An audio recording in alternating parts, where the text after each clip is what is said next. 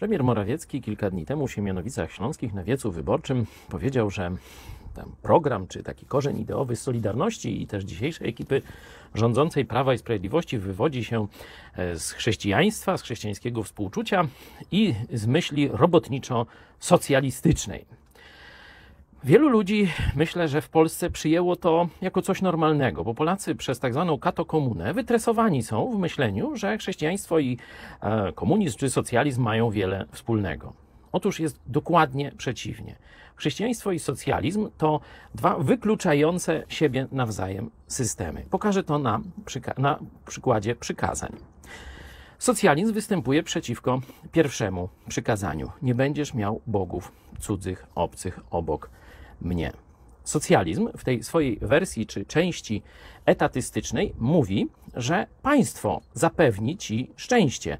Państwo da ci za darmo ciepłą wodę, da ci ubezpieczenie na starość, da ci opiekę zdrowotną, da ci darmową kolej, autostrady. No, za różne, różne są wersje socjalizmu.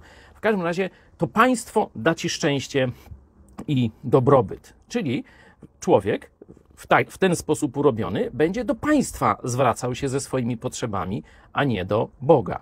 Dalej powiedziałem, za darmo. Nie ma rzeczy za darmo. Ktoś płaci za każdą rzecz. Czyli jeśli ty dostajesz ją za darmo, no to ktoś zapłacił. I teraz pytanie, czy zapłacił dobrowolnie, czy mu ją zrabowano, a ty jesteś paserem, który tylko korzysta z tego. Chrześcijańskie miłosierdzie to jest dobrowolne dawanie swoich rzeczy innym.